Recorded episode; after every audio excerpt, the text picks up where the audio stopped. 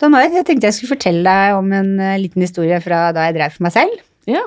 Ja, vet du, Jeg holdt til eh, fire år i Bygdøy allé, og der fungerte bestillingen sånn at vi hadde én telefonsalong, og så hadde alle frisørene vi hadde hver vår telefon som vi tok imot bestillinger på. Og så hadde jeg en litt eldre mann som jeg var kjempeglad i, som var kronisk redd for ikke å komme til timen sin.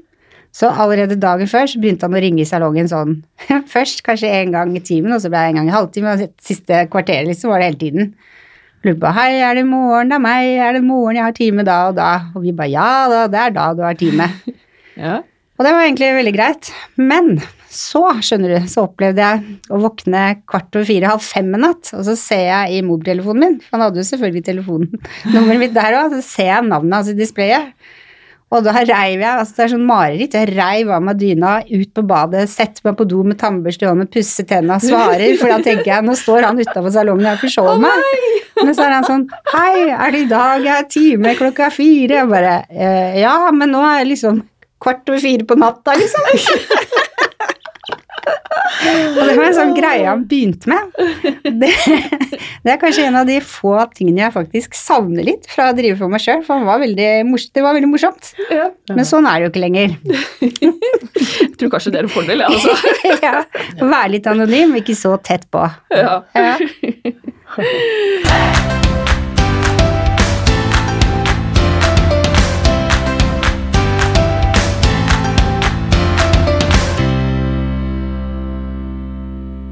ja, velkommen til Hårpodden. Jeg er Ann-Marit. Jeg er Renate. Uh, jeg tenkte jeg skulle fortelle litt om min vei til å bli frisør, jeg. Ja, dag. gjør det. Ja. Uh, for jeg bestemte meg på ungdomsskolen for at uh, dette er det jeg vil. Dette er det jeg skal gjøre, gjøre i mitt liv. Og når du går ut av ungdomsskolen, så, så er det enten så søker alle på helsesosial, eller så søker alle på formidlingsfag. Og da var det sånn at alle søkte på formidlingsfag. Så jeg kom jo ikke inn. Nei. Det var kjempeskuffende. tenkte jeg, ja, ja, Da får jeg ta et år på hotell og næring, som jeg kom inn på. og så vil jeg søke på nytt. Så, og jeg gjorde det. Søkte. Og kom fortsatt ikke inn. Så jeg var, ja, ja, da får jeg vel kanskje finne på noe annet. da. Så jeg tok helsesosial da, og gikk hudpleien. Wow. Så, og fullførte det. Men syntes egentlig det var litt kjedelig. Veldig fint yrke, men jeg, for meg så var det veldig kjedelig. Må ikke tråkke på noen tær her. Uh, for jeg hadde jo lyst til, lyst til å drive med hår da, men så fant jeg ut at jeg kunne gå privatskole på makeup. tenkte jeg, ja, kanskje det er veien å gå. Ja. Så da gjorde jeg det, da. Og to etasjer ned så gikk, var det en skole som het Hair Art. Det var, og det er jo det er jo ulempen med at det ikke var så åpent på internett og sånne ting, for da kunne jeg bare tatt Google-søk. Hvor, hvor kan jeg bli frisør? Det kunne jeg jo ikke den gangen. Det var Nei. ingen som informerte meg om det. Så da fullførte jeg makeup og gikk frisørskolen. Det var by the way Studialf og Auster sin skole den gang. Mm. Og jeg er frisør i dag. Ja. Ja. Så det var en veldig sånn omvei for å endelig bli frisør. Jo, jo, men alle veier går ikke rett fram. Nei, det er helt Du har jo fått med deg mye bra på veien, da. Ja, har jo det. Hmm. Absolutt. Så gøy. Jeg har jo hatt en uke med helt andre typer telefoner enn den jeg fortalte om i stad. Ja, fortell. Nei, jeg fikk en telefon på torsdag hvor jeg ble spurt om jeg kunne reise til Boston på kurs på Living Proof. Og det sa jeg selvfølgelig ja til. Altså, det er første gang jeg ikke har begynt å le. Jeg pleier å begynne å le når jeg blir satt ut, men jeg, da gikk huet mitt på hva skulle jeg ha med meg, hvilke klær, hvordan skulle jeg pakke. Så jeg var liksom der med en gang. Og så nå, nå er det liksom på plass, og jeg gleder meg skikkelig. Det gjør jeg. Så utrolig spennende. Hva skal du gjøre der? Eh, Det er et sånn teknisk klippekurs, ettersom jeg har forstått, som jeg skal på. Jeg har ikke fått all info ennå, jeg har fått info om flybillettene.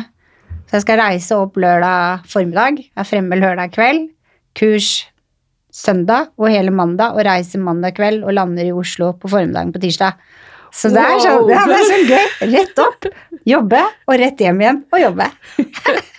det er sånn jeg liker det, da. Ja, ja, ja. Full fart. Full fart, ja. Det blir bra. Så vi sitter og skriver som du sa i stad. Kan vi sitte og skrive maler ja, da, på fly. Ja, det blir mange maler. ja, da kommer vi godt à jour. Ja. Det blir bra. ja, det blir veldig bra. Mm. Men vi har jo med oss en gjest i dag, som vanlig. Ja. Eh, og i dagens gjest har tidligere jobbet som frisør og drevet sin egen drømmesalong. Så solgte hun salongen og la saksa på hylla for å bli coach og ledertrener i frisørbransjen. Velkommen til oss, Mette Jørgensen. Tusen takk, og tusen takk for at jeg fikk lov å komme. Det er veldig hyggelig. Ja, jeg gleder meg veldig til vi skal komme. Ja, så bra det har jeg også gjort. Veldig, og jeg syns dere er så flinke, så det må jeg bare si først. Veldig, Åh, tusen veldig, takk! Det er så deilig når mennesker gjør ting de drømmer om og tenker, og så faktisk bare gjør det. Ikke bare tenker på det. Syns jeg er herlig. Ja, Det er veldig gøy, da. ja det er det. Jeg ser at dere koser dere med det. Vi jo og gjør det, det vi gjør med kunder hver dag, skravler. Ikke sant?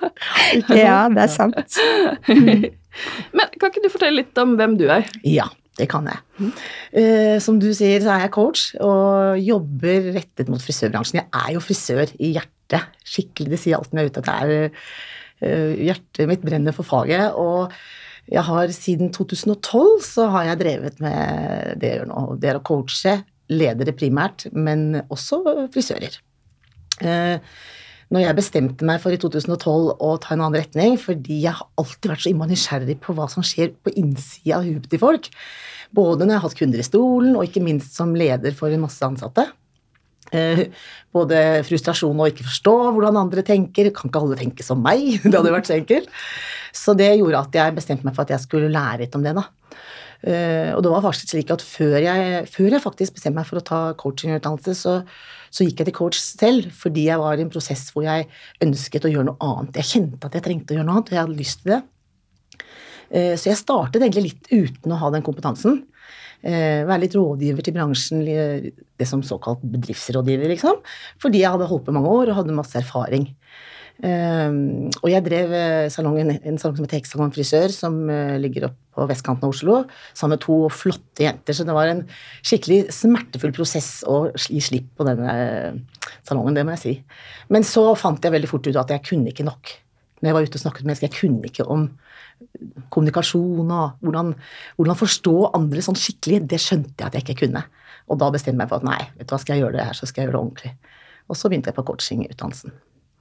Så jeg har en kompetanse som coach, eh, noe som heter NLP.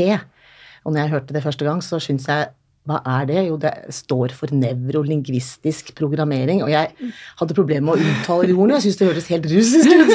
Hva var det for noe igjen, ikke sant? Men eh, det er rett og slett eh, litt hvordan hode og kropp og sanser fungerer. Jeg vet ikke om dere kjenner til det? Har dere, har dere noen gang vært borti det? NLP?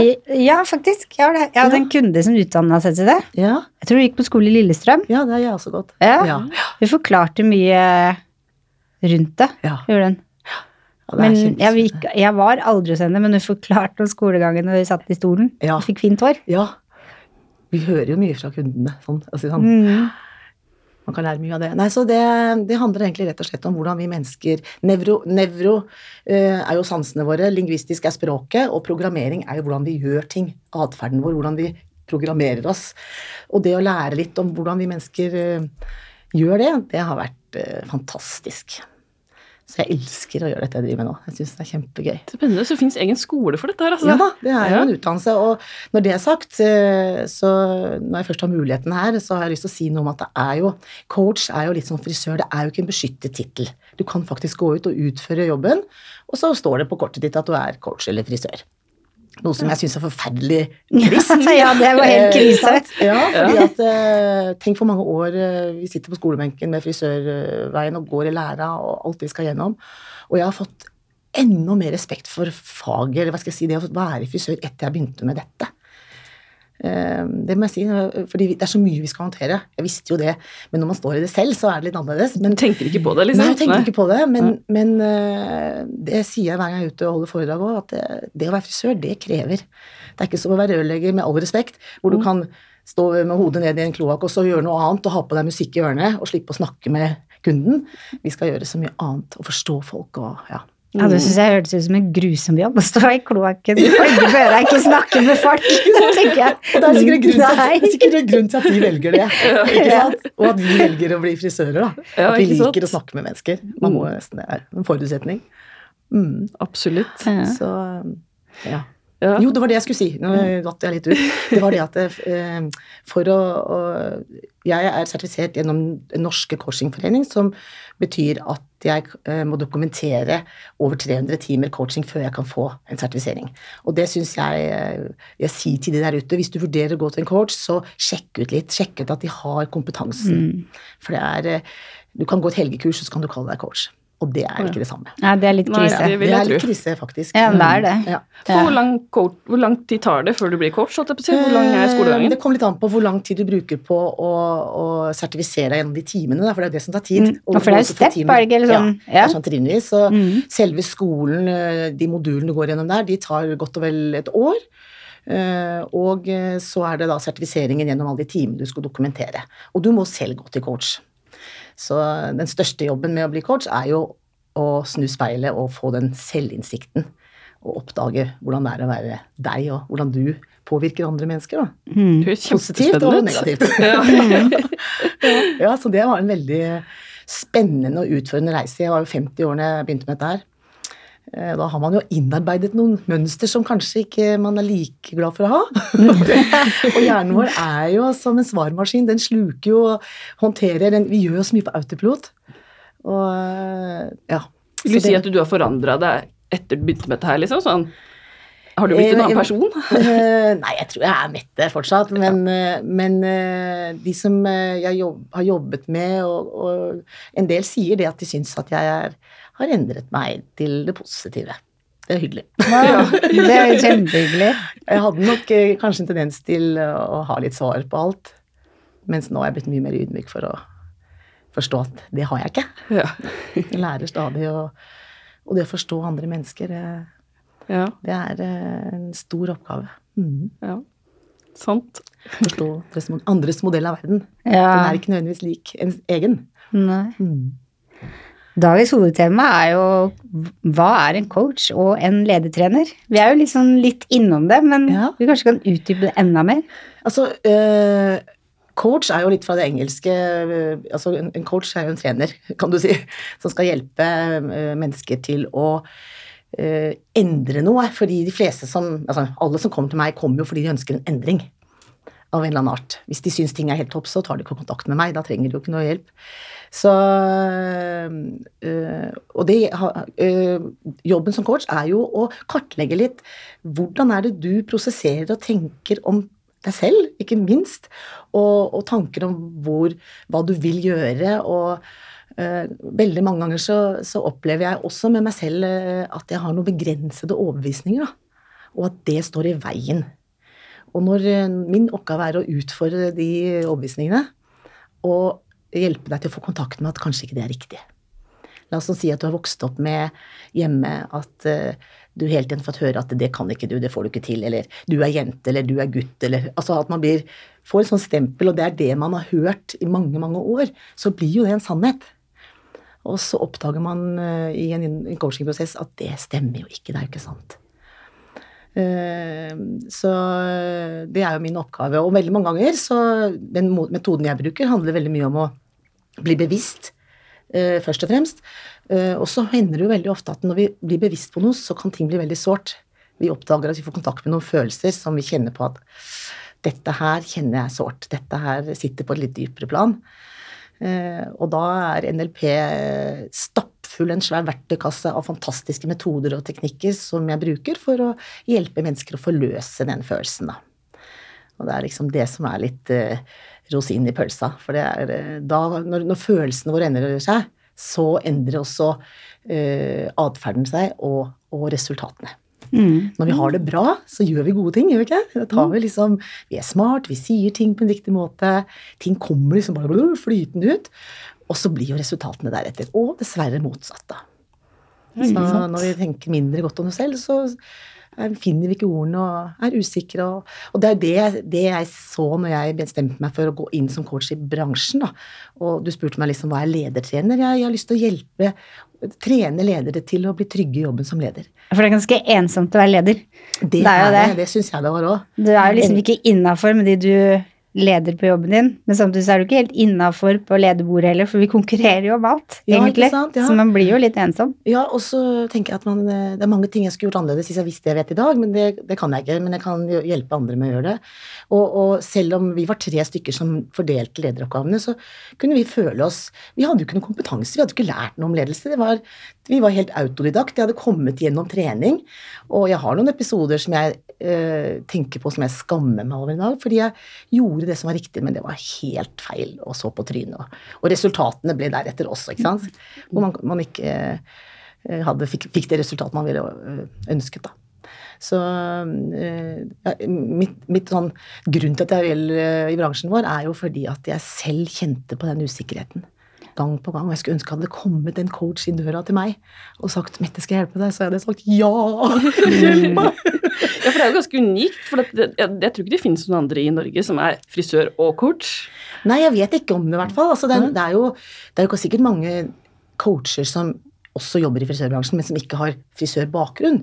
Ja. Sånn at det, det mine kunder sier, enten om det er i bedrifter, når jeg jobber med prosesser i bedrifter, eller om jeg jobber med én-til-én, så, så, så sier de til meg at eh, de får så tillit fordi de skjønner at jeg kan de vet, Jeg vet hvor de står, og jeg vet, kan alle utfordringene på en måte. Det har vært godt hele veien. Du kjenner det igjen, liksom? kjenner det igjen. Ja. Ja. Ikke sant? Ja.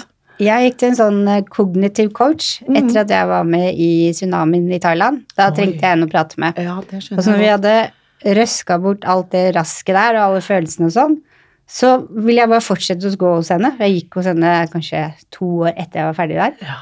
For fordi hun var så fantastisk sånn sparringspartner. Og så ga hun meg sånne ja, verktøy som jeg syntes var gøy, da. Og jeg husker spesielt én ting som ville ha meg til å gå i to uker og bare skryte av meg sjøl på jobben hele tida. Si hvor flink jeg var høyt til alle andre. Og til slutt så sa en kollega av meg bare Herregud, hva er det med deg? Du går og skryter av deg sjæl hele tida. Og da, da jeg husker vi skulle ha julebord, og da sa jeg hele tiden og jeg gleder meg så hvert julebord, for jeg er så flink til å danse. Jeg er skikkelig flink til å danse. Og faktum var at det var jo ingen andre enn jeg som ville danse på det julebordet. Det var altså så gøy å få alle sånne type Snu tankegangen og lære seg litt grann å tenke annerledes, Mm. egentlig. Så det var kjempefint. Og så var det trist å slutte hos henne. Ja. Alle trenger eh, coach. Jeg går også til coach. Altså det, Ja. det er eh, definitivt uh, Livet liksom kommer jo i veien innimellom. Og så, Mm. selv om jeg kan mye om dette her, så når jeg sitter midt i det med, for å si godt norsk, med dritt i halsen og, og følelsene koker litt, så kan det hende at det er godt for meg å få en som er utenfor og ser meg, ser meg med andre øyne, da. Mm. Veldig ofte så ser vi mer hos andre enn i oss selv. Mm. Fordi at vi har kjørt oss inn på ett spor, liksom, som vi ikke klarer å Ja, og så jeg tenker på at eh, når jeg, når jeg ser det jeg ser Noen av de kundene her sier jo det at eh, jeg ser ikke det du ser i meg. Altså, sånn, altså, Mm. og det å, hvor godt det er å kunne få noen til å åpne opp øynene for deg. Mm. og virkelig få kontakt med det her.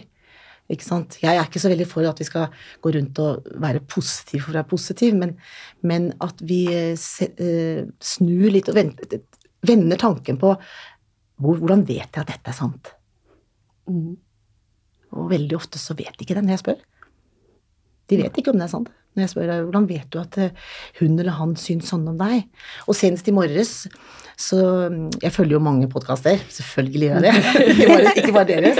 Og lærer vanvittig mye. Det er en vanvittig fin måte å lære på. Og han sa noe sånn som at eh, jeg tror om meg selv det jeg tror du tror om meg.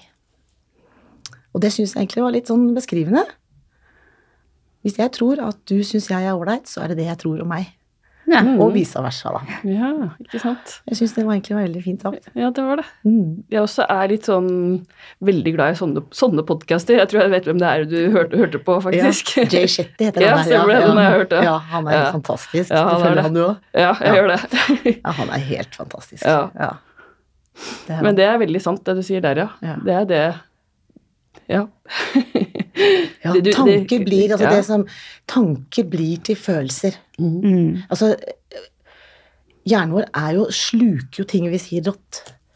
Og, og vær forsiktig, sier jeg. Sett inn en dørvakt, og stopp sånne tanker som ikke fører noe til seg. Og så, så, så er det lettere sagt enn gjort, Mm. for vi har gode og dårlige dager.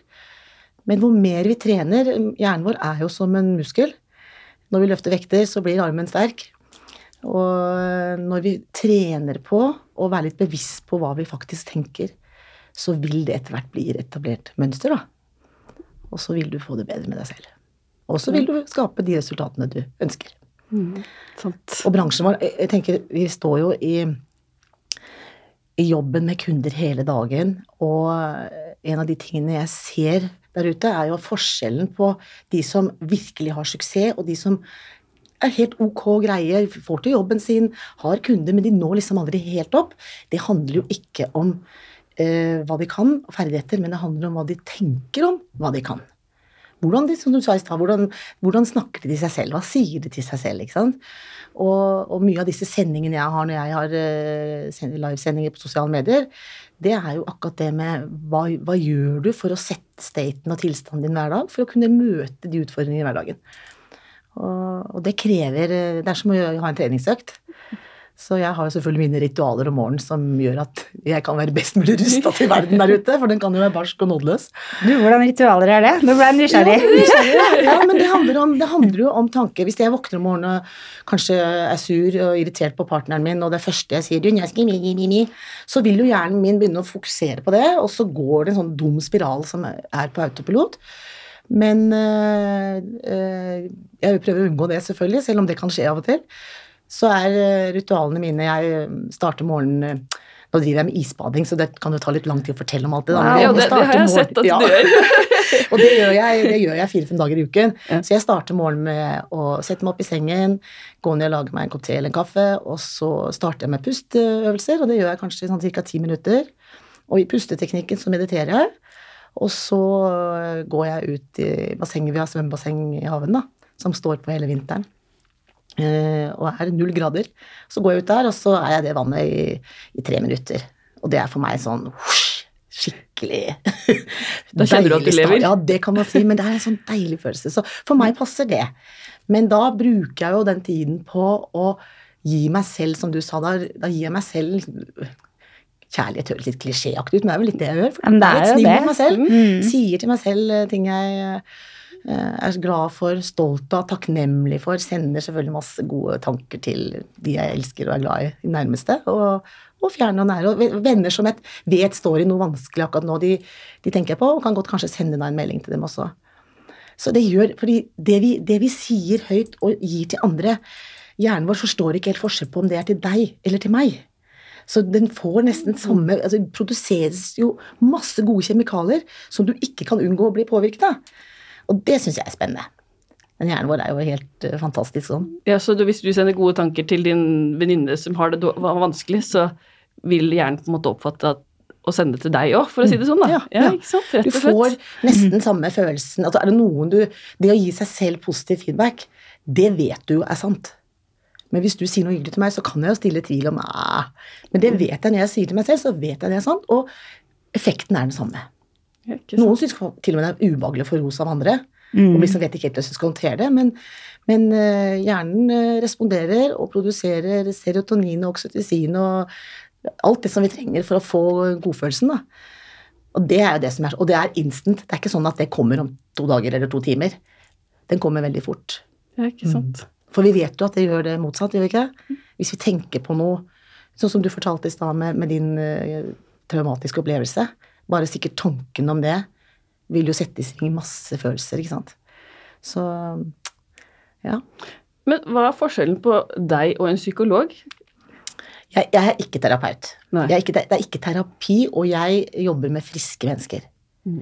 Så når jeg oppdager at her er det dypere ting, altså psykiske lidelser, kanskje de har en eller annen eh, si syk, sykdom, og jeg lurer på om det er det, så, så henviser jeg de. Da ber jeg de gå til legen. Ta kontakt med legen sin og få rekvisisjon til å få hjelp av noen som kan det, for det, det er ikke min oppgave. Mm. Men det meste kan jeg hjelpe til med, men ikke De må være friske i utgangspunktet, da Ja, tenker jeg. det er Det, kjennes, og det, kjennes, det kan godt hende at det er coacher som hjelper med det, men jeg kjenner at da er jeg på trygg arena. Jeg kan stå inne for dette, kan jeg. Mm. Uh, og, og hvis de medisineres, så er det heller ikke hensiktsmessig for meg å hjelpe de. Hvis man går på medisiner, det er jo en del mennesker som gjør det, faktisk, som sliter å gå på medisiner. Mm. Uh, og hvis de gjør det, så har de heller ikke samme kontakt med sansene. Du blir litt sløv. Du blir litt sånn jevn, ikke sant. Så, Ja. Og forutsetning for effekt av bl.a. NLP-coaching er jo at du er til stede, og at du er bevisst, og at du får kontakt med følelsene.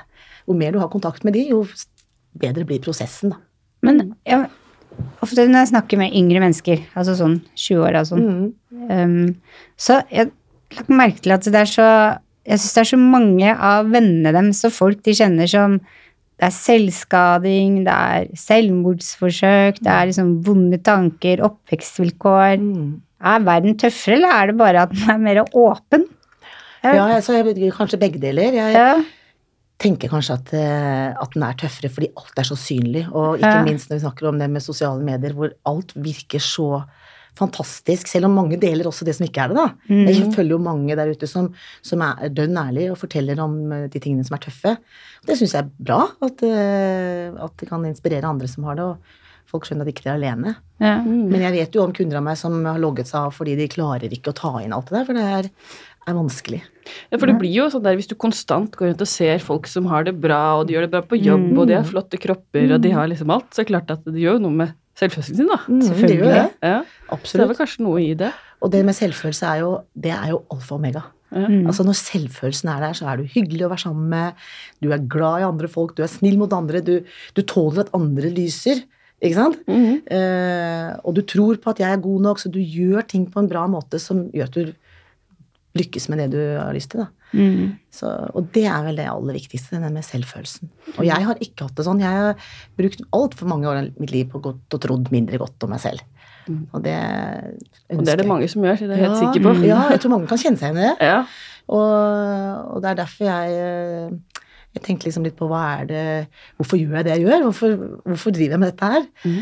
Og eh, jeg har et sånn innmari ønske om at eh, de jeg hjelper der ute, at de skal få kontakt med at de er bra nok, og at det handler om å tørre å være seg selv, og tørre å, å uttrykke ting de har på hjertet, og, og har samtidig respekt for andre mennesker. Da. Men jeg tror når du får kontakt med det i deg selv, så tenker jeg også at du også rommer andre på en helt annen måte. Da. Mm. Kan jeg spørre deg om du har hatt noen aha- aha-opplevelser liksom, med deg selv, når du, at du forsto noe opp, Ja, i løpet av disse tolv åra? Ja, det, å, ja, de, de Altså siden jeg startet, tenker du på? Altså Ja. siden eh, 2012? Ja. Mange. Ja. Ja, men jeg jeg kommer på en akkurat her nå. eh, Bare litt nysgjerrig her. Ja, det skjønner jeg godt. Eh, det, vet du hva, jeg må egentlig si at det gjør jeg jo uh, nesten ukentlig. Sånn, det kan kanskje være en situasjon, og da tenker jeg kanskje på de aller nærmeste, la oss si med mannen min, da. Og, eh, hvor, vi, hvor jeg opplever at eh, jeg føler noe eller mener noe og uttrykker noe for han. Eh, og så vet vi jo hvor fort vi kan komme i, i konflikt med andre. ikke sant? Jeg vet ikke om dere har det sånn, men jeg kan i hvert fall oppleve at jeg, nå bygger det seg opp noe her. I det øyeblikket jeg skrur av um, fokuset innover og prøver å forstå han, hva foregår hos han, og hvordan er det å være han nå, um, da skjer det et sånn skifte i meg. For da, da slipper jeg jo de følelsene, for da tenker jeg nå, nå skal jeg prøve å forstå mannen min istedenfor. Ja. Så det å søke å forstå før å bli forstått, Mhm. det tenker jeg er en godt, eh, godt utgangspunkt, da. Men merker han forskjell på deg før og etter coach? Frisør, coach? Liksom i reaksjonsmønsteret ditt? Ja, jeg tror han noen gang blir litt sånn Kan du ikke slutte med coachegreier? Gi meg en klipp! Ja, Slutt å analysere meg! Ja, du vet at man blir jo litt sånn, litt sånn fagidiot og holdt på med dette akkurat som vi Mm. gjør i frisørbransjen, ikke sant. Og øh, jeg er nok litt sånn spørrejørn, som kaller det. Spør og spør og spør og spør, for jeg blir så nysgjerrig på hva er det du egentlig mener.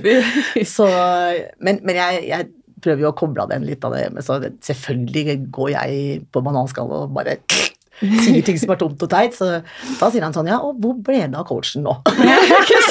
Sier det? Nei, hun har tatt fri i kveld. Så jeg er jo bare, men, vi er jo bare mennesker. Ja, ja. Så, men det er, eh, alt er opprettelig, alt er mulig å løse. Det er sånn, det er sånn overbevisende deilig ting jeg har i meg. Det, det er, alt er mulig. Mm. Uh, man kan si unnskyld, og man kan uh, vise medfølelse. Veldig ofte når jeg jobber med Jeg har jo sikkert ti sånne A4 tettskrevne bøker hjemme, tettskrevne historier fra gjennom tiden jeg tok eh, timene mine for å bli sertifisert. Og da var det jo mange frisører Eh, og den, det som uh, mange tenker liksom lytterne her, da, hva er, det, hva er det frisører syns er tøffest? Og veldig, veldig mange er redd for at ikke de er bra nok, og er redd for den avvisningen de skal oppleve fra, mellom kunde og de. Vi snakker jo veldig mye om å være til stede for kunden og by på deg selv og foreslå ting og skape noe. Men når du da står der med en sånn litt sånn følelse av at er jeg god nok? Kanskje ikke det jeg leverer er godt nok. Så går den der spiralen i at da gjør jeg dumme ting, og da sier jeg ting feil. Eh, og da lar de heller være. For når fornuft og følelser står i kamp, så vinner jo følelsen. For de vet intellektuelt at jeg vet at det skal være sånn etter boka, men uh, når jeg spør deg, så hvordan føles det når du står der og skal kanskje si til kunden din at uh, du har ikke lyst til å farge håret ditt, vel?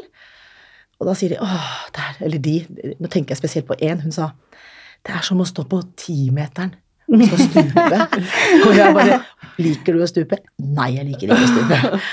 Og da kan du tenke deg hvilken frykt det er, og hvis det er hverdagen din, Mm. så um, det å få lov å hjelpe de til å gi slipp på den frykten, da, det er uh, veldig givende, syns jeg. Ja. Skape Og det går når du er liksom, har det standpunktet, å på å si. Ja, det går. Det går. Ja. Ja. Det henger kanskje sammen med noe de har uh, opplevd som ikke har noe med det faget sitt å gjøre, men tidligere. Mm. Det henger jo gjerne sammen at uh, de kanskje generelt har en dårlig selvfølelse, da. Ja. Men jeg har hatt mange opplevelser med, med coachier, som det heter, da, den som sitter i stolen, om eh, hvor, hvor det har vært endringer som har vært helt total. Fra, fra å ha lyst til å slutte å legge opp, bort saksen og ikke tro på seg selv, til å bare våkne og bare Fader, jeg er jo god nok, jeg kan dette her! Og bare virkelig skape resultater. Men så vil jeg si det at det er ferskvare. Sånn at, det, som du sa i stad, det å ha en, en å gå til og hjelpe deg litt, som holder deg i hånda underveis, det er eh, nok veldig, veldig smart. Bør Altså- ha en som man liksom eh, Hvis man begynner å gå hos deg, at man går hos deg en gang hver måned nesten, egentlig. da. Sånn, ja. Ja, sånn går, forever? eh, Ja, ja, altså, Ja. De fleste som begynner hos meg, de går flere ganger. Og så tar de kanskje en pause, og så kommer de tilbake igjen. Og så, så vet de at jeg er der, da. At de kan eh, Jeg får stadig vekk hele tiden sånne små Du, nå står jeg i denne situasjonen, kan, de, kan jeg booke en time? Ja, ikke sant? Mm. Men er det liksom forskjellig hva folk trenger? Er det noen som kan komme til deg én gang og være fornøyd med det, eller kan de Ja, det kan det faktisk være. Ja. Ja. det kommer litt an på liksom hva, hvor, eh, hvor dypt det sitter, da. Ikke sant? Ja. Og det handler, ja, Senest her hadde jeg da Jeg får jo ukentlige henvendelser, jeg har coacher og ledere hele tiden. Og mest ledere er det jeg jobber med, da. For jeg tenker at jeg kan godt jobbe med frisører, og det er jo det er veldig bra. Men det viktigste er jo egentlig at lederen kan være den som hjelper, da. Som er god til å kartlegge, og som kan være en støtter for den eh, ansatte. Så eh, Og da var det en sånn eh, konflikthåndtering, for det skjer jo. Og da, er det ofte, da kan det ofte være bare ett møte, og så plutselig så ser de som er i konflikt, ting på litt annet vis. Mm. Og det blir veldig forløsende, og det blir ofte sterke følelser. Tårer og det som er, men, men på en god måte, da. Men jeg, jeg ser jeg tok en lærerutdanning, og så har jeg tatt litt ekstra ped ved siden av. Ja, Og det syns jeg hjelper meg veldig mye ja i, i forhold til å ha ansatte, da. Ja, det skjønner Jeg jeg tenker med skrekk og gru hvis jeg ikke hadde hatt det. Da tror jeg jeg følte meg på bar bakke, altså. Ja. Da hadde det vært timeteren. Ja, Ja, det hadde nemlig, flydd, kanskje. Ja. Og jeg tenker, det er jo ikke noe man får med seg når man blir eh, leder, Nei. eller starter opp for seg selv. I hvert fall var det ikke sånn for oss. Vi bare startet opp, og ja, ja, det går vel bra. Mm. Og så ble det én ansatt, og så var det syv, og så var det ti, og så var det 14, og så masse mennesker du skal håndtere. Jeg syns det var kjempetøft, jeg. Så drømmen min i sånn i framtida er jo å kunne få lagd et sånt grunnkurs for frisører i NLP. Så vi fikk liksom den basicen på kommunikasjon og det å forstå, og det å si ting på en god måte. Man kan si hva som helst, bare man sier det på riktig måten. Mm. Eh, For vi mennesker vi er jo klar over ting vi kan bli bedre på. Og hvis man får det mm, fra lederen sin på en ålreit måte, med respekt, så tror jeg vi er villig til å gå inn i en endringsprosess på en helt annen måte, da. Jeg tror det er viktig, For meg så er det viktig å være raus. Så tenker jeg ikke raus med å gi ting, Nei. men å være raus i rom. Ja. For at vi er jo forskjellige. Ja, det er akkurat Vi har forskjellige drømmer og tanker og er oppvekst og alt med oss. Ja. Og det sier de lederne jeg jobber med når jeg kartlegger ofte liksom, hva er utfordringen, hva trenger du hjelp til? Og da Og jeg har jo sagt det så mange ganger at vi skal gjøre det på denne måten. Og når jeg da sier at ja, hvordan fungerer det? Nei, det fungerer jo ikke, jeg gjentar jo meg selv hele tida. Og da tenker jeg at det- når de forstår at de må først forstå hva som er grunnen til at de gjør det, for folk gjør ikke ting i ond hensikt. Folk gjør egentlig, tror jeg, så godt de kan der de Mm. er. Og så er vi på noen dårlige steder innimellom, da. Eh, men, men det å ikke la seg følelsesmessig ah, koke helt over av frustrasjon, men faktisk si ok, kanskje denne personen skal få slippe å jobbe hos meg. Kanskje ikke det er rett til plassen. Eller er det noe vi kan finne ut av som heter du får til ting på en annen måte. Mm. Eh, Så vi, vi ser jo bare toppen av isberget når vi ser mennesker. Vi, det er så mye mer, ikke sant? Mm. Man må liksom snakke med dem, da. Ja. Kommunisere med dem og Ja, høre hva det. Og det skal man ha tid til. Mm. Og det er jo en ting jeg bruker mye tid på, akkurat det med å snakke med dem, at det å stå og ha stappa fulle lister som leder, og så skal du med høyre hånd håndtere fire-fem ansatte, det fungerer sjelden bra. For det husker jeg du sa på, en, eh, på Facebook på de der sendingene Ja. dine, om at eh, du skal Så og så mange prosent skal du ta vekk fra kundene til dine ansatte. Tror, var det 10% du sa? Ja, altså litt avhengig av mange jeg, jeg, Og det tror jeg refererte til det var han der Kjell Inge Røkke som sa en gang, eller om det var Petter Stordalen, det husker jeg ikke. Ja. En av de. Ja. Men at for hver ansatt du har, så går nesten 10 av arbeidstiden din. Ja, Og hvis du mm. har ti, så er det 100% stilling å drive personalarbeid, ikke sant? Mm. Men de fleste, de eh, Altså, de fleste ledere elsker jo å stå på gulvet. De elsker faget sitt, og de liker å stå med kunder. Og, og syns kanskje det er vanskelig å velge det vekk, fordi kundene vil jo bare til de. Mm. Tror de. Ja. Det trodde, trodde jeg òg. Det trodde jeg også. Og jeg kjørte meg så langt at jeg møtte veggen og hadde ikke noe valg. Jeg ble syk fordi jeg hadde full lister, og hadde, vi hadde mange ansatte. og til slutt så pusta jeg bare fra drømmerne opp, liksom. Så, og så gikk jeg rett i veggen. Så jeg sto på bakrommet en dag, husker jeg skulle ut og klippe, og beina mine sto sånn polstra i gulvet. Jeg gikk ikke an å flytte meg ut. Og da Oi. trodde jeg skulle bare være hjemme i to dager, og da ble jeg sykmeldt i flere måneder, faktisk. Var det da du liksom havna i det sporet? Ja, det er enda lenger siden, da. Det er nok eh, i hvert fall tolv år siden det skjedde. Ja. Men da skjønte jeg at jeg måtte gjøre en endring, da. Og det er det som er så synd, at vi nesten må bli syke og Ja. eh, kapitulere fullstendig før vi lytter. Jeg visste det jo. Den her kroppen min hadde prøvd å si fra flere ganger. Mm. Ja. Så det kan jeg ha lyst til å si til lytterne her, at eh, lytt litt innover. Mm. Er du leder og det koker, så kjenn litt etter og stopp opp, for det går ikke over av seg selv. Du må gjøre noen endringer. Vi ønsker ofte en endring, men vi har ikke så lyst til å endre på så mye, da. Og det er det som ofte kan være utfordringen. Men kan det handle litt om at vi, vi som er ledere liker å ha kontrollen på skuta, Ja, ja. sånn at, men egentlig så handler det om å være leder om å dele ut litt oppgaver til de ansatte òg. Og da blir jo de sett. De får jo ekstra oppgaver som de sikkert Ja. synes, kan synes er kjempeære å få. Og de kan kanskje ting bedre enn deg på visse ting. Så spiller skuta bedre, på en måte. Men jeg hadde en leder her forrige uke senest, eh, og han sa det at eh, jeg føler liksom at jeg skal kunne ha svar på alt. Og da sa jeg til han at det, det trenger du ikke. Lytt til meg som er gammel, og han var jo kanskje bare 30, ikke sant. Du trenger ikke det. Det trodde jeg òg, men du trenger ikke det. Det er jo det at du kan si til medarbeideren din 'Å, guri, det visste ikke jeg. Så flott at du har sjekka det, eller kan Mhm. det', da. Mens det tror jeg mange ledere tror at de må ha svaret på det meste. alt. Ja. Ja. Det er vel bedre, bedre å være ærlig og si det veit jeg ikke. Nei, ja. Vi kan jo google ting òg, da. ja, ikke sant. Det Det, kunne man jo i gamle dager, som du sa. Det Nei, ikke det gikk før. Nå er jo det veldig enkelt. Man kan google det. Ikke sant. Det- Mm. Ja. Yes. Eh, hva er det største feilen vi frisører gjør? Er det noen sånne gjentagende greier som du Det er kanskje litt det med at vi går rundt og tror at vi ikke er gode nok. ja. For de har jo ikke nødvendigvis frisørrelatert det, da. Og, jeg, øh, og så tenker jeg jeg er liksom ikke så god på å snakke om feil, men heller hvilke forbedringer vi har. Men, men øh, kanskje de fleste frisører jeg møter det der, altså, jeg, jeg, tenker at vi Jeg tror frisører generelt syns kanskje det er vanskelig å stå i sånn kunderelasjon. Altså Hvis de kunne få lov å bare skape hår, og ikke måtte ta seg av selve mennesket under håret, hvis du skjønner, så tror jeg mye hadde vært uh, løst. Men feilen, hvis vi skal si sånn, hva feilen gjør, det er kanskje å glemme at det sitter et menneske i stolen og som har sine behov og er helt seg selv. Så det å, å bli bedre på å virkelig forstå kundens ønsker og behov, og være opptatt av hva kan jeg løse for deg, Mm. det tror jeg kanskje De frisørene som er flinke til det, de ser jeg De har stor de har magnet på kundene, ja, Ja, ikke sant? Det ser dere òg. Ja. Så, så da, hvis du ser at uh, kollegaen din er rå på kunder, så legg litt merke til hva er det hun gjør annerledes enn meg. Mm, Bra for det faglig sett. Og så har vi snakka om det før òg. Hvis du tenker at du ikke er bra nok, så jeg, jeg innbiller meg i hvert fall, det tror jeg du gjør òg, at det handler mye om at vi tenker vi er jo bare en frisør. At det ikke er på en måte bra nok i forhold til mange andre yrker. Ja. Mens i utgangspunktet så er det jo Jeg syns det er mye mer enn andre yrker. Mm. Jeg vil mye mer være frisør enn han i kloakken, for eksempel. Ja, ja, ja. Eller hun bare Altså på kontoret, eller Ja. ja. Og det ser jeg jo, de som er, har det. Altså, eh, jeg elsket å være frisør, og jeg syntes det var kjempegøy. Mm. Men det var mye jeg ikke forsto før jeg hadde liksom holdt på nokså lenge. da. Og kanskje det kunne vært eh, enda mer fokus på det i, læretida, det med å bli god på kommunikasjon med kunden i stolen. liksom Lese hva slags kunde du har, være enda mer opptatt av det. Mm. Og, og hvor, tryggere du er her, jo mer opptatt blir du ut. ikke sant? Når du er tryggere i deg selv, så blir, du, så blir du Ja, konsultasjonen er uh, uvurderlig. Mm. Så lytte. Slå ut ørene og lytte på hva som blir sagt, da. Mm. Veldig enig. Mm.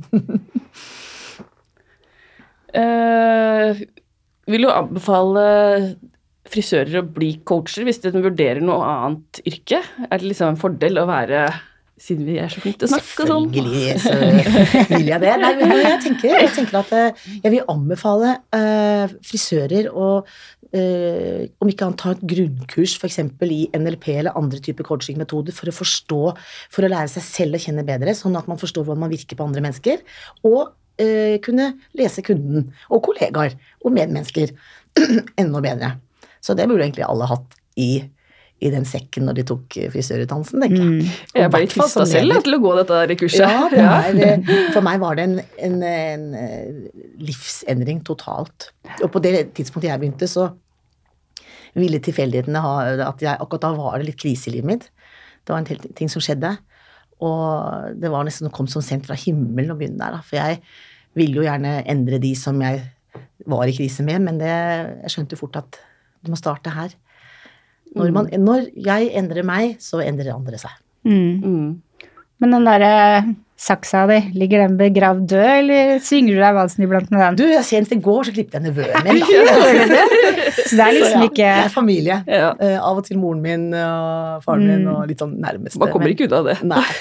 Og jeg liker det jo. Altså når jeg får leve og, og Jeg liker det. Men uh, jeg skal, det er det her jeg skal holde på med. Mm. Jeg tenker jeg har vært borte så lenge nå at nå har jeg vel falt til. Og jeg kan jo ikke disse tingene lenger. Baja Lars og alt hva det heter. Peiling. Jeg liksom lærte meg som å nytte var folieteknikk. Så. Men man glemmer jo aldri å klippe.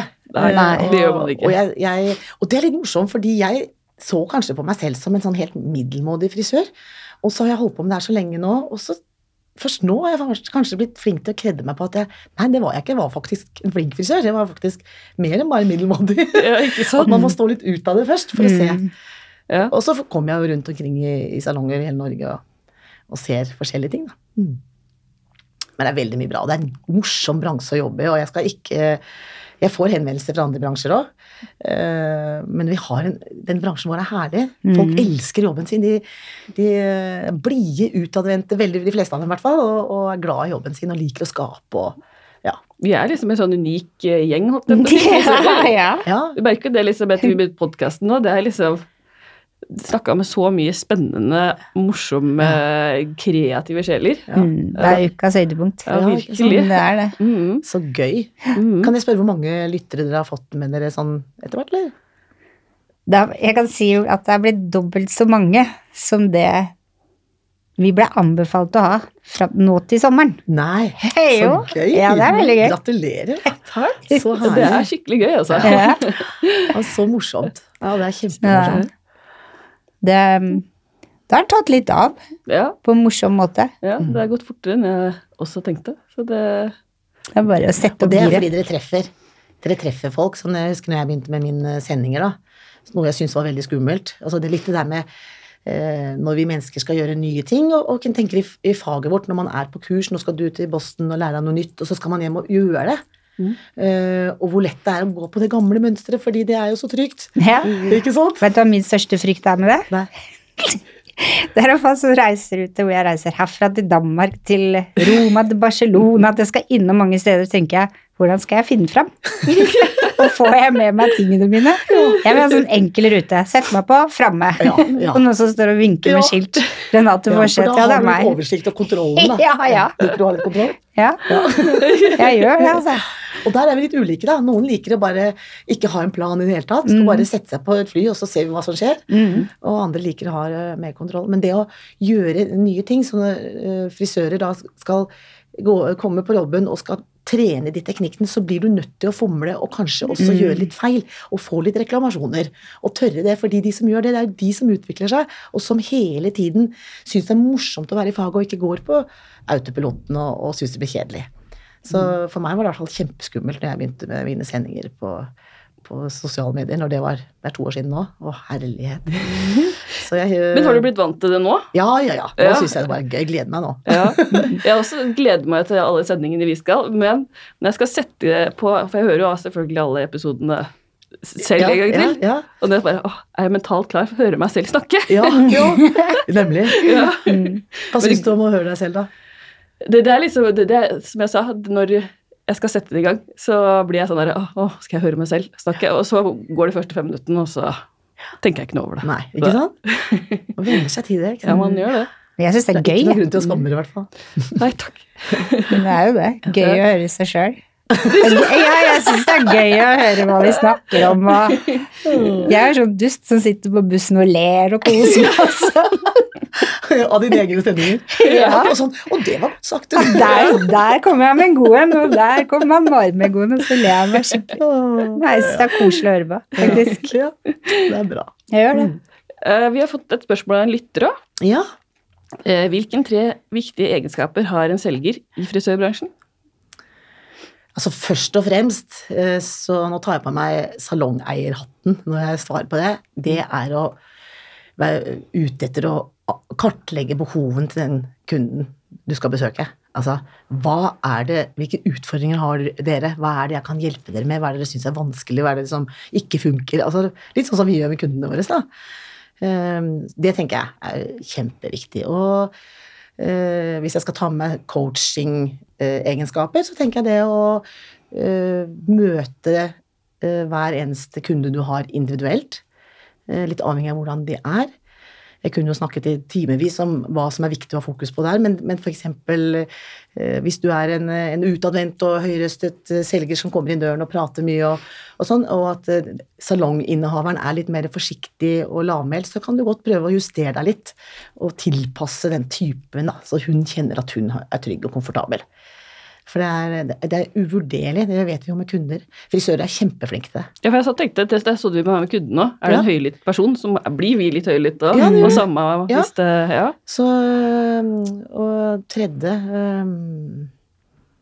eh, Tredje var eh, Altså det å å ikke ha noen begrensninger, at alt er mulig. Du skal gjøre hva som helst for kunden din. ja, rett og slett. Og i dag tenker jeg eh, Jeg regner med at det er kanskje en selger i leverandør, eh, frisørleverandør selger dette her, da, jeg tror. Det er det nok, ja. Eh, tenker jeg at i dag så, hvor det er så tøff konkurranse, og med netthandel og den kampen om kundene, så tenker jeg at den personlige delen der, i den grad du faktisk får lov, fortsatt får lov til å komme i salongbesøk, for det vet jeg det er ikke sikkert det er sånn i framtiden. Åh, guri meg, jeg ville jo bare gjort hva som helst. Bydd på meg sjøl. Herfra til månen. Hatt med boller. Nei, jeg bare føler at jeg vil som salongeier f- føle meg viktig. Mm. Jeg er en VIP, og du er opptatt av meg og mine behov. Og du strekker deg langt for å møte de. Mm. Jeg tok jo varebestillingen i salongen jeg jobba i tidligere. Ja, Og der hadde vi masse varer. Jeg syns det var like stas hver gang en selger kom inn. Jeg. Mm. Det var kjempekoselig å snakke med dem. Ikke sant? Så Det, det betyr jo litt. Ja, ja, Så da har du sannsynligvis hatt en selger som har gitt deg den følelsen av at, eh, at han syntes det var hyggelig å treffe deg òg. Mm, ja, For det er jo gjerne gjensidig. Ja, Mm. Det er, Det er det. det er sjelden at du, det er en person som, som liker en, og så er det ikke gjengjeldt. Det er som regel begge veier. Da kan man jo, for den selger du ikke liker, så kan man jo be om en annen. Ja, det går an. Det ja går an. det går også an. Ja. Så eh, det kan man. Men jeg tenker at eh, som selger så det er, Jeg tenker det er veldig likt den jobben vi har. Vi er jo selgere, vi òg. Frisører hele tiden. Men veldig mange selgere har jo vært frisører òg. Ja, Det er jo også en fordel, da. Man De veit hvordan vi jobber. Mm. Tenker og funker. Ikke sant? Mm. Så de har jo mye kompetanse der. Men det jeg kanskje kunne savne til tider eh, som salongeier, var jo kanskje det at kunne vært enda mer interessert i mm, driften, og hva er det, hva trengte de jentene hos oss? Ikke sant? Hva, hva kan, kunne de bidra med til hver enkelt? da? Mm. Eh, og at det ikke nødvendigvis er liksom kampanjen som kommer først inn døra. Ja. Nei, det, det skal jeg være enig i. Ja. Mm. At det kommer som en konsekvens av at man har kartlagt litt. Mm. Ja. Så jeg håper det var svar til den som har spurt. det var et bra svar. Ja. Eh, Da har vi kommet til en spalte som heter faste spørsmål. ja. Og da lurer jeg på hva dine hårrutiner er. Hårrutiner, ja, de er litt sporadiske. Nei, altså, hva tenker du på da? Altså, hva jeg gjør for å stelle håret mitt, liksom? Mhm. Nei, jeg er opptatt av å se ålreit på håret. Jeg, jeg vasker og føner hår nesten hver dag. Ja. Bortsett fra når jeg liksom har hjemmekontor og skal på trening den dagen og sånn. Så jeg styler håret mitt. og Jeg har mye hår og tjukt hår. Og så går jeg regelmessig, regelmessig til frisøren, selvfølgelig. Eh, Hvem klipper du deg hos? eh, det er litt Jeg går, jeg går i den gamle salongen. Ja, du gjør det, ja. Der Ja. går jeg, og så går jeg litt hos uh, Olim og co., for jeg kjenner den gjengen der har jeg jobba mye med, så de kjenner jeg jo godt, og vet de er veldig flinke. Så eh, mm. Ja. Så tar jeg selvfølgelig, bruker jeg skikkelige produkter i håret mitt, selvfølgelig. Ja. Kurer og holder på. Du ser vel det? Ja, ikke sant? Akkurat nå er jeg nystripet, så jeg føler meg litt, litt lysere enn jeg pleier. Men da må man Jeg syns du var fin. Ja, jeg jeg satt faktisk og så på det. Du var så blanke og fine. Ja. Mm. Ja. Det har vært på den gamle salongen min gjort. Heksagon. Ja. Ja. Blir det reklame her. Eh, Hva er det verste med å være frisør? Verste med å være frisør? Mm. Gud, det, eh, det verste jeg syns kanskje var med frisør, det var at jeg ikke var flink nok til å si stopp. At jeg hadde for fulle lister. Men det var jo bare mitt ansvar, egentlig. Eh, og at kunden blir så avhengig av deg at det blir vanskelig å sette grenser. da. Mm. Eh, det blir, og at det, at det kan bli nesten litt vel, det kan bli nesten sånn et vennerelasjon. Og jeg tror hvis man skal holde ut i mange år, så tror jeg det er greit å holde litt distanse. At ikke man eh, blir spist opp. Så det eh, tenker jeg, eh, om det var svar på om det var det verste, i hvert fall det, det er kanskje en, utfordring vi kan komme ut for, at, vi, at det kan skje, og at man blir helt utbrent av det. Mm. Eh, jeg vet ikke hva dere tenker, jeg, eh, om det. Mm. Eh, ja, jeg har jo sagt at det å liksom For du skal alltid være på, så hvis du har en dårlig dag, Ja. så er det litt slitsomt å stå der og være Ja. den blide frisøren. Men det snur ofte så fort du kommer inn, for at du er liksom mentalt Ikke sant? Ja, for det er bare sånn vi er. Ja, og det som er morsomt med det du sier der, Mm. Marit, det er at eh, hjernen din skjønner jo ikke helt hva du driver med. Så hvis du er litt sur og grinte om morgenen, så kan det å få lov å gå på jobb Fordi når du møter de menneskene, og det er en hyggelig kunde, så har du nesten glemt problemet ditt. Mm. For det er ikke Det er plass sant. til alt. Og da fylles hodet med det du er i akkurat nå, og så vil følelsen av å føle seg bedre komme. Ja, ja ikke sant? Og det, er det, det, det gjør det. Ja, og det gjør det. Ja. Og så kan det være at du går ut døra og så Å nei, nå, vi, å, nå er det det, ja. Jeg vet jo at det problemet er der fortsatt. Ja. Men at det er litt sånn time-out. At Mm. det er litt heldig at vi, vi, kan, vi kan ikke sitte på et kontor og henge med huet. Vi blir nødt til å skjerpe oss. Og så går det til et punkt, selvfølgelig, hvis man har det vanskelig. Jo, jo, selvfølgelig. Det var det som skjedde meg, at jeg trodde jeg kunne lure meg, men det, det går ikke i lengden. Jeg er ikke helt den derre fake it to make it, holder ikke i et helt liv. Nei. Men innimellom. Jeg syns det er verst med fra den tida jeg drev for meg sjøl. Det er ikke mange av kundene mine som gjør det. For i og med at du har bestillinger på egen Mhm. telefon, og jeg har samme nummer, stort sett så får jeg bare hyggelige meldinger. Ja. Sånn godt nyttår og hei, hvordan går det, ikke sant. Det er kjempehyggelig. Men jeg har kanskje tre kunder, tre-fire, som er sånn hei, har du ledig til uka? Mm. Tenker jeg, hvorfor sender du det personlig? Jeg har nettbestilling, jeg har Mm. Fixit, jeg har telefon, jeg kanskje er hjemme, jeg kanskje er opptatt. og Det er kanskje tider som jeg ikke jobber. Det er det eneste faktisk eh, som jeg kan synes være litt uh, vanskelig. Ja. Eller utfordrende. Og det, og det tenker jeg at der handler det om at øh, den eneste som kan gjøre noe med det, som du Det er meg, det er meg å sette grenser. Si Mm. at det, det er så hyggelig at du går til meg, men jeg tar ikke bestillinger på telefonen. Men du skjønner, det har jeg gjort. Ja. Men så går det går bare noen måneder, så får jeg det igjen. Det er samme, liksom. Ja. Så Kan jeg svare, så skjer som skjer. ja. For vi, vi har lett for å ikke la det få noen konsekvenser. Det er litt det jeg snakker om når vi snakker om ledere og medarbeidere. Og, og jeg har jo sagt at ikke det er lov å komme på jobb med, med møkkete joggesko. Og så kan jeg si jo, det, det er jo lov. Nei. Jo, du ser jo at det er lov. Fordi kollegaene dine står jo her nå med skitne joggesko. Så det er jo ikke forbudt, kan man si. Mm. Og det er litt det samme hvis, hvis det ikke får konsekvens. Hvis man, Mm. hvis man ikke får respons, da, hvis din kunde ikke får respons på meldinger, så tenker, da tenker de hva skal jeg gjøre nå? nå må jeg, jeg må gjøre noe. Mm. Det er ofte handling som er mer effektfullt enn det man sier. Mm. Jeg husker jeg lærte for mange år siden av en eh, Jeg gikk på kurs hos som er fantastisk, og han, eh, han jeg har tatt det etter han, da. Det er handling som skaper forvandling. Når du gjør istedenfor å bare prate, Mm. så kommer resultatene. Det gjelder jo i forhold til barneoppdragelse og alt. ikke sant? Mm. At, det, at du er konsekvent. Mm. vet ikke, Har du barn fra før? Du har en stor mage her. Og, Ja, ja. Jeg har to fra før, to så fra jeg før, kjenner igjen akkurat det du sier, å være konsekvent. Ja, Ja. det er jo, og, og veldig ofte så kan jeg, jeg kjenne på her, jeg får dårlig samvittighet. Da, men tenker hvis man bare er Det går ikke an å bukke hos deg på SMS. så Nei. vil jeg, da vil jeg skjønne det, hvis det ikke kommer noe svar. Alt er jo så tilgjengelig, så det er egentlig Ja. litt sånn Fordi jeg må da inn på nettet, og så må jeg opp med Ja. lista mi, og så må jeg sjekke, og så sender jeg ikke SMS. Nei, det passer ikke da. Får ta en liten Har du andre alternativer? Ikke sånn? Så bare si at ja, den har jeg ikke sett. Nei, vet du, da, svar, da svarer jeg du, Den herre skal svare. Mette Jørgensen har sagt at jeg ikke skal svare deg. Å nei. Ja, men det er greit. Du kan skylde på meg. Det går fint. Du skyldt skylde på meg. Nei da. Jeg skal ta det rådet. Jeg skal Ja. ikke svare. Ja. Ja, er Og da gjør du det. Da skal jeg ikke svare. Ja. Eh, Hva er det beste med å være frisør, da? Å gud, den lista er lang, da. Ja, den er det. Forutsatt at man liker eh, mennesker. Og li, altså det, å, det er jo en vanvittig sosial eh, jobb. Med, sammen med mennesker, sammen med kunder, være sammen med de, få lov å være kreativ og skapende og gjøre folk fornøyd. Og hver eneste time få en eller annen sånn opplevelse at folk bare Å, nå er jeg så fornøyd! Å, gud så meg, og du redda livet mitt, nesten. Det er jo hele tiden å få det påfyllet. Jeg tenker liksom i kontrast med de som bygger tunnel, som bruker ti år på å lage tunnel og får ros når de er ferdig, og så er det sånn hornmusikk. Så vi får liksom hornmusikk hver eneste time. Og det får masse Grusom jobb. Ja. jo, jo, men det er jo Vi er forskjellige da, på hva vi liker, men det ehm, Ja.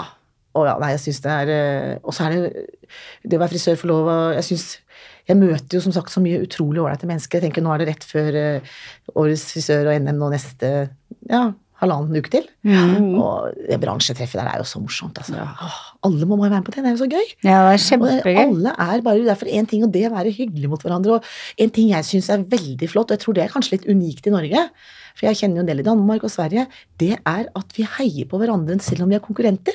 Mm. Jeg syns Ja, det er en annen er ting som er veldig viktig med det engasjementet òg. Ja. Det er å gå inn på NFB sine sider, sjekke opp Vipps-nummeret til Mot med mening, og så Ja, vippse penger til ja. sykehusklovnene. Det Mm. Er helt enig med deg Ja, det må dere gjøre. Det er liksom Ja. nummer én. ja, Mm. ikke sant. Vi får gjøre det med en gang når vi nå Ja. legger på her. ja. Ja. Sant, sant.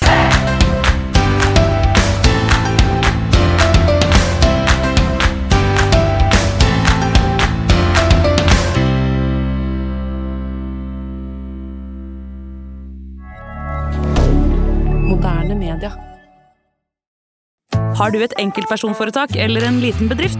Da er du sikkert lei av å høre meg snakke om hvor enkelt det er med kvitteringer og bilag i fiken, så vi eh, gir oss her, vi. Fordi vi liker enkelt. Fiken superenkelt regnskap.